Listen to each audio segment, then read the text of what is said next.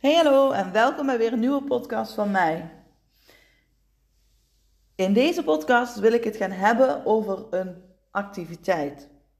Een activiteit die ieder kind leuk vindt. Een activiteit die je binnen en buiten kunt doen.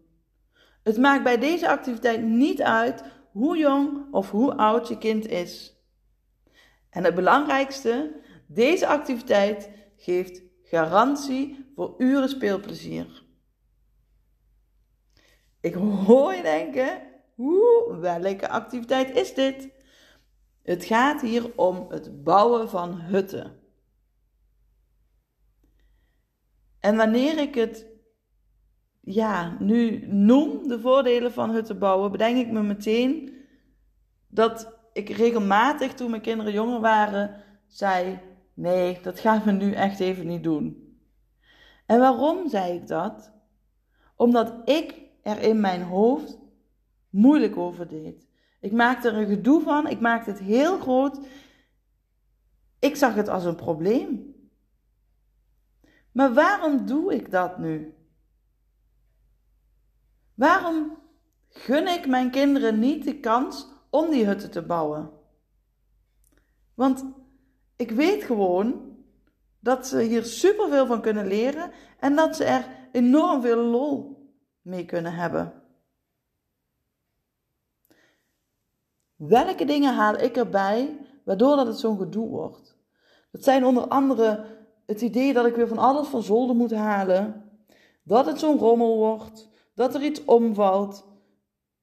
En vervolgens ook, ja, dan staat die hut dadelijk in de woonkamer en dan moet die zeker de hele week blijven staan. Allemaal moeilijk doen. En dat zit bij mij, bij ons als volwassenen in ons hoofd. Wij maken het groot, wij maken het moeilijk. Terwijl het juist een hele simpele activiteit is waar je kind super van kan leren, enorm veel plezier aan beleeft, waar je een opstart zult moeten maken met je kind, maar vervolgens je kind er echt ja, lange tijd plezier aan kan beleven en dus ook zelfstandig mee kan spelen. Op het moment dat ik tegen mijn kinderen zei: nee, dat gaan we nou niet doen. Als ik nu terugkijk, weet ik ook dat we het vervolgens eigenlijk nooit meer deden. Nogmaals, terwijl dit zo belangrijk is. Dus als ik erop terugkijk, heb ik echt daar ja, kansen laten liggen. Ik zie het echt als een gemiste kans. Want het bouwen van hutten doet zoveel voor de ontwikkeling van je kind. Meestal wordt dit gedaan met broertjes, zusjes of met vriendjes of vriendinnetjes. Dus bij het starten van een bouwen van een hut is er sowieso al heel veel samenwerking nodig. Communicatie met elkaar. Afstemmen. Wat wil jij? Wat wil ik? Hoe groot wordt die hut? Waar gaan we de hut van maken? Allemaal vragen die ze samen moeten doorlopen om tot een compromis te komen hoe die hut er daadwerkelijk uit gaat zien. Vervolgens komt het stukje bouwen, het samenwerken daarin. Hou jij dit even vast, dan leg ik dat daar even op, want dan glijdt het niet weg. Of ik maak dit even vast, dan kun jij daaronder even kijken. Noem maar op. Dus communicatie. Maar ook het, uh, ja, wat ik al het overleggen, het compromis sluiten. Zo belangrijk in de ontwikkeling. Daarnaast, het creatieve brein wordt aangesproken. Want ja, hoe gaat het er dan uitzien? Maar als ik dit hier vastmaak, blijft het dan wel hangen, blijft het dan wel zitten? Dus ook het stukje hè, ruimtelijk inzicht wordt, uh, ja, wordt aangesproken. Maar ook de fijne motoriek. En de grote motoriek. Want ehm, kijk, op het moment dat, dat je bijvoorbeeld met wasknijpers gaat werken, ja, hoe goed stimuleert dat die fijne motoriek? En niet alleen dat, ook het creatieve brein op het moment dat de hut klaar is. Wat gaan we erin zetten? Nou ja, uit eigen ervaring weet ik dat bij ons in ieder geval, als er in de woonkamer een hut was gemaakt, dan uh, Zat vervolgens uh, alles wat in de speelkamer stond uh, in de hut. Maar daarin gaan ze ook samenwerken. Kijkende van oké, okay, wordt dit de slaapkamer? Of bij ons was het ook heel vaak dat het dat de ene kant van de hut was, een, uh, was de, de woning, het huis. En de andere kant was de winkel. En dan gingen ze dan dingen verkopen. En dan was de ene klant en de andere was verkoper. En ja, het doet zoveel. Ik, ik, ja, nogmaals, ik zie het soms als een gemiste kans. Ik had hem vaker in willen zetten.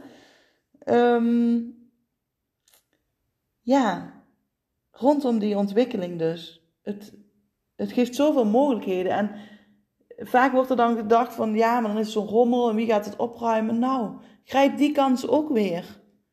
We hebben, of jullie hebben dit nu samen gebouwd, maar dit kan natuurlijk niet in de woonkamer blijven staan. Hoe gaan we dit oplossen? Nou, we moeten we opruimen. Tuurlijk, kinderen vinden het leuker om te bouwen en om te spelen dan om op te ruimen. Maar kijk of je daar ook niet um, die moeilijke gedachten van ons hoofd daarin laten leiden. Door te denken, oh jee, en dit en dat. En dan moet ik weer zeuren en ga eens opruimen. Nee, kijk in mogelijkheden. Denk in mogelijkheden. Kinderen vinden het bijvoorbeeld heel leuk om op te ruimen op het moment dat ze een taakje krijgen. Wat ik heel vaak, uh, nou bij mijn eigen kinderen, maar ook in de kinderen waar ik mee werkte toen ik in de kinderopvang werkte, um, deed, is ik maak ze chef van iets. Dus als ik terug ga naar hoe onze hutten eruit zagen van onze kinderen, dan, um, of zagen, zien nog steeds. Gelukkig doen we het nu weer steeds vaker, waardoor dat ik, ja, alsof ik die gemiste kans nog een beetje in kan halen. Maar dat terzijde. Um, ik wilde er naartoe dat, kijk, wijk ik even af, ben ik even mijn tekst kwijt. Uh, nou ja, dat hoort erbij als je hem gewoon in één keer op wil nemen. Hè? Bam. Ja, het opruimen. Daar was ik. Uh, geef ze een taakje. Maak ze chef van. Bij ons lag er dan van alles in die hut. En dan zei ik, nou, uh, jij bent chef van de boeken. Kun jij ervoor zorgen dat ze terug in de boekenkast in de speelkamer komen staan? De andere werd de chef van de auto's.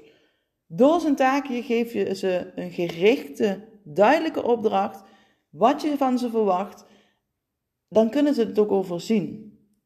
En ze voelen zich verantwoordelijk voor dat taakje. Dus ze voelen ook, ik moet dat even goed um, gaan regelen. Nou ja, niet te missen, als het goed geregeld is, dat wij dan natuurlijk als ouder even lekker een goed compliment geven. Want daar groeit je kind van en dat zal echt ervoor zorgen dat hij het, ja, dat gedrag vaker laat zien. Daarnaast um, ja, zijn dat dus ook, dat zijn gedachten waar we het soms onszelf zo moeilijk mee maken door alleen maar in die problemen te denken. Maar dat is ook aan de voorkant van het huttenbouwen. bouwen. Oh ja, wat moeten we dan gebruiken? We maken het ons zo zelf zo moeilijk. Probeer de vraag anders eens terug te stellen aan je kind. Op het moment dat hij zegt: Ik wil een hut bouwen, denken wij al, oh jee, nou moeten wij alles gaan bedenken en pakken en gaan maken. Nee. Leg het balletje bij je kind neer. Want de basis waar ik ook voor sta is, wij bepalen enorm veel door de dag heen voor ons kind. Maar als het aangaat, als het over het spel gaat, dan vind ik persoonlijk dat het kind leidend is. Dat is hetgeen waar ons kind in bepaalt. En natuurlijk, het is niet zo dat je kind maar alles hè, bij elkaar mag pakken en dat hij denkt, oh ik wil kleur, oh dan kleur maar op de muur. Nee, er zijn grenzen, maar nodig jezelf tijdens het spel van je kind uit om met je kind te spelen. Dus als we teruggaan naar het stukje hutten bouwen, op het moment dat je kind zegt dat hij dat wil, hoeven wij niet in te gaan vullen wat hebben we daarvoor nodig. Leg het balletje terug en stel de vraag aan je kind. Oké, jij wil een hut bouwen. Waarmee gaan we de hut bouwen? En dat wil niet zeggen dat het idee waar je kind mee komt, dat jij dat altijd moet accepteren. Maar laat hem dat stukje ontwikkeling ehm, aanboren, die creativiteit, om wel het zelf te gaan bedenken.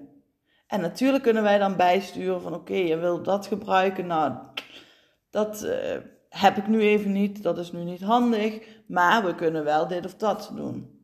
Dus ga het gesprek aan. In plaats van meteen in problemen denken, nee, dat gaan we niet doen. Of in plaats van alles uit handen te nemen. Door het hier zo nu over te hebben, merk ik dat ik er ook gewoon zin in krijg. Om met de kinderen weer een keer een hut te gaan bouwen. En hun de regie te laten houden. Want ja, het is het spel van ons kind.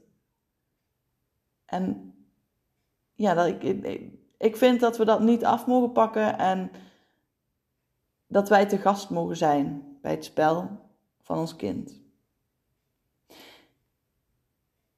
Ik ga deze vakantie zeker weten een keer een hut bouwen met mijn kinderen. Ik zal je dan ook delen, foto's delen via mijn socials, dus uh, hou ze in de gaten. Ik hoor heel graag van je wat deze podcast met je doet. Of die aan het denken zet, op welke vlakken. Maar ik vind het ook leuk als je via Facebook of Instagram eens kunt laten weten wat,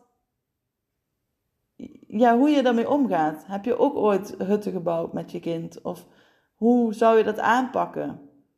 Kun je wat met dingen die ik benoem, met de handvatten? Ik zou het heel leuk vinden om dat te horen. En uh, rest mij om jullie heel veel succes te wensen met het bouwen van een hut een keer met je kind. En nodig jezelf dan ook uit om zijn of haar spel te volgen. Want wij bepalen al heel veel. Dus laat het spel het spel van je kind zijn. Daarmee rond ik hem af. Dankjewel voor het luisteren en ik spreek jullie snel. Doei doei!